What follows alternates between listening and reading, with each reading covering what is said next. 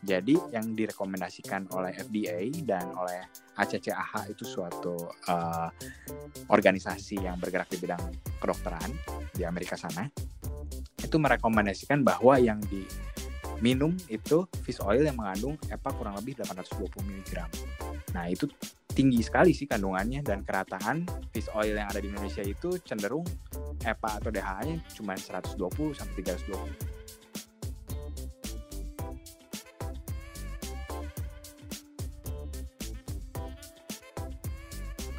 Halo pendengar, ketemu lagi dengan saya Haryadi Wijaya di podcast dokter pribadi di episode keempat atau sesi keempat ini.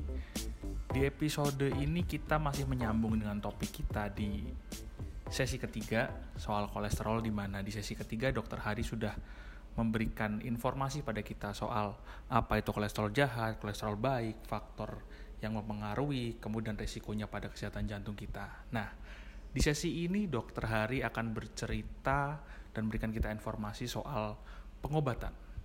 Pengobatan, pencegahan dan gaya hidup supaya kita terhindar dari penyakit-penyakit yang disebabkan oleh kandungan kolesterol yang buruk dalam tubuh kita. Oke, langsung kita dengarkan perbincangan saya dengan dokter Hari pribadi. Ada pertanyaan gini nih dok, ada kasus di mana orang itu kadar kolesterol darahnya dia total yang total cenderung tinggi, yang jahat juga cenderung tinggi. Kemudian dia diberi pengobatan oleh dokter untuk menurunkan kadar kolesterol jahatnya itu tadi.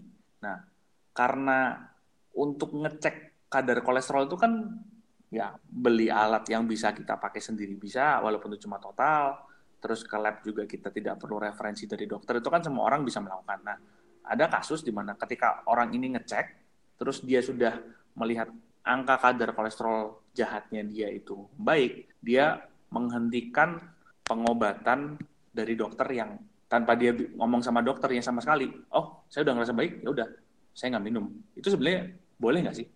Jadi sebenarnya ya. kalau orang itu sudah cenderung kolesterolnya terkontrol, kita sebut terkontrol ya, itu pada pasien-pasien yang penyakit, penyakit jantung, itu kita harapkan kolesterol jahatnya itu di bawah 70 dan itu di Indonesia ini jarang sekali ya, tercapai. Ya, Orang cenderung tahunya total kolesterol di bawah 200. Dan mereka cenderung lebih uh, concern ketika dia kurang dari 200, ah sudah saya berhentikan saja obatnya. Itu sebenarnya bukan merupakan target kita sebagai dokter. Dan kita harapkan orang awam tuh tahu bahwa ketika dia sudah sakit jantung koroner bahwa targetnya itu menjadi LDL. LDL itu sampai harus di bawah 70 dan itu rendah sekali memang. Dan jarang sekali ini tercapai bila orang tuh menghentikan pengobatannya. Dan yang faktor kedua, sekarang obat yang dipakai untuk menurunkan uh, kolesterol itu adalah golongan statin. Dan golongan ini selain dia menurunkan kolesterol, dia punya efek lain yaitu untuk menghambat progresi atau menghambat progresivitas dari pembuluh darah yang gampang menyempit. Istilahnya biar pembuluh darahnya tetap plaknya stabil disebutnya, sumbatannya stabil, tidak kembali menyempit. Jadi efek dari pengobatan jangka panjang itu yang kita pengen selalu ada. Jadi seharusnya orang dengan kolesterol tinggi yang sudah mengalami penyakit jantung itu tidak menghentikan pengobatannya.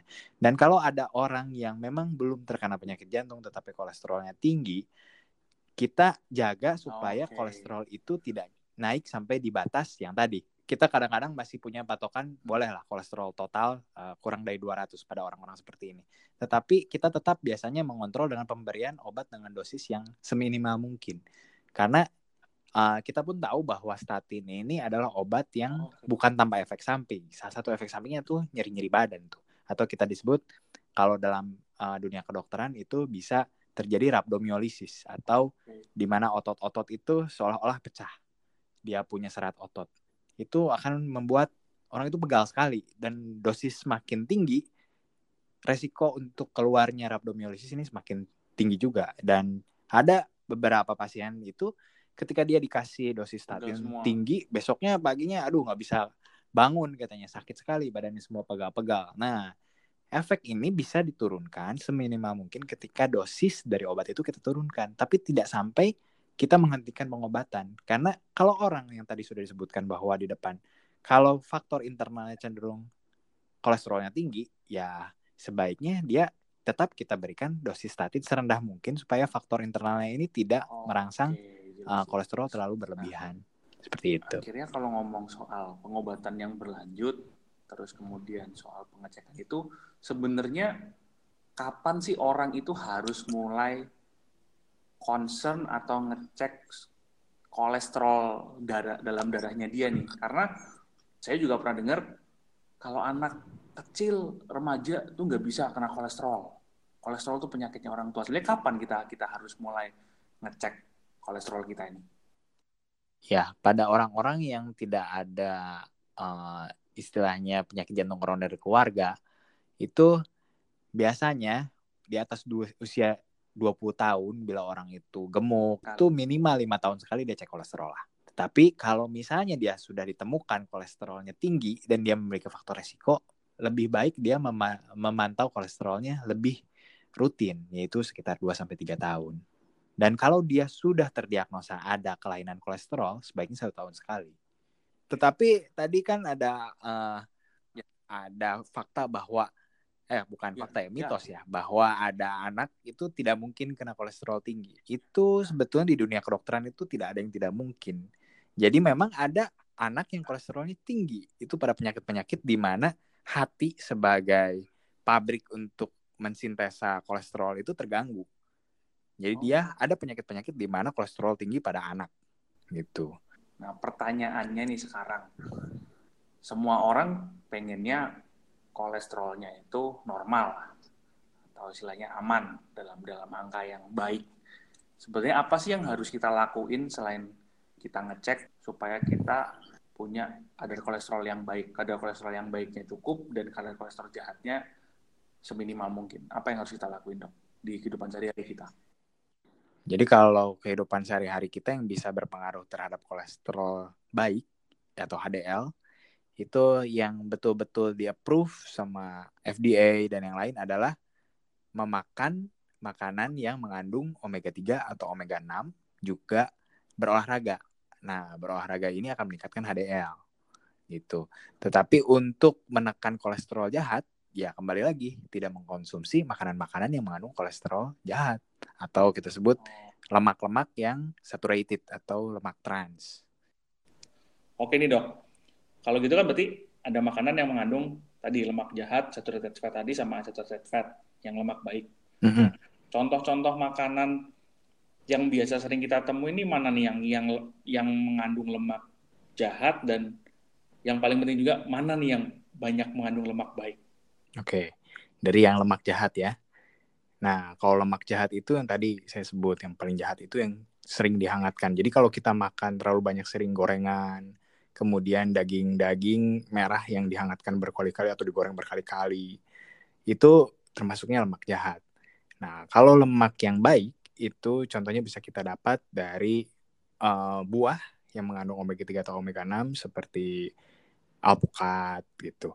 Kemudian ada juga minyak-minyak yang kita sebut minyak yang baik yaitu canola oil, olive oil, itu yang sering dipakai di diet Mediterranean kita sebut. Dan diet Mediterranean ini itu memakai minyak-minyak yang tidak jenuh tadi untuk menurunkan kadar LDL dalam tubuh. Oh, terus kalau susu dok, susu kan Betul. ada yang full cream, ada yang low fat, ada yang skim milk. Itu perbandingannya gimana tuh kira-kira? Jadi kalau susu itu kita kan uh, membagi dulu tuh yang pertama ditemukan ada susu hmm. full cream karena dia itu kan gurih ya rasanya lebih enak gitu. Nah ini dia memiliki fat yang paling tinggi kandungannya. Itu kurang lebih tiga setengah persen lah. Dibandingkan bila uh, orang-orang sekarang memakai low fat ya. Low fat oh. itu kurang lebih dia mengkat sampai cuman hanya satu setengah persen kandungannya. Nah sekarang ini untuk orang-orang yang betul-betul diet itu uh, keluar namanya skim milk. Dia itu hanya 0,5 persen kandungan dari uh, lemaknya. Dan itu menjadi pilihan untuk orang-orang yang lagi diet. Tetapi uh, kenapa anak kecil itu jangan kita kasih skim milk atau low fat milk karena mereka butuh kolesterol juga oh, untuk pembentukan-pembentukan dari vitamin yang larut dalam lemak. Contohnya vitamin A, D, E, K seperti itu. itu sangat dibutuhkan oleh anak-anak kecil. Jadi jangan juga kita menerapkan oh karena kolesterol itu kita anggap jahat semua, semua anak kecil kita kasih skim milk itu. Itu suatu mitos yang tidak benar gitu. Jadi harus kita lebih baik kalau anak kecil ya kasih aja yang okay, whole okay. whole milk atau Berarti whole cream gitu. Lihat-lihat juga ya case-nya mana yang bisa dikasih ke siapa kan akhirnya ya. Nah, tadi habis susu ada lagi nih dok. Orang ngomong salmon atau salmon sih kebanyakan. Salmon itu mengandung kolesterol yang baik, omega 3. Itu itu sebenarnya apa tuh? Omega 3 itu apa sih, Dok? Iya, jadi tadi kan ada kolesterol yang uh, baik ya, yang mono unsaturated uh, fatty acid atau dia kita singkat MUFA dan PUFA atau yang polyunsaturated fatty.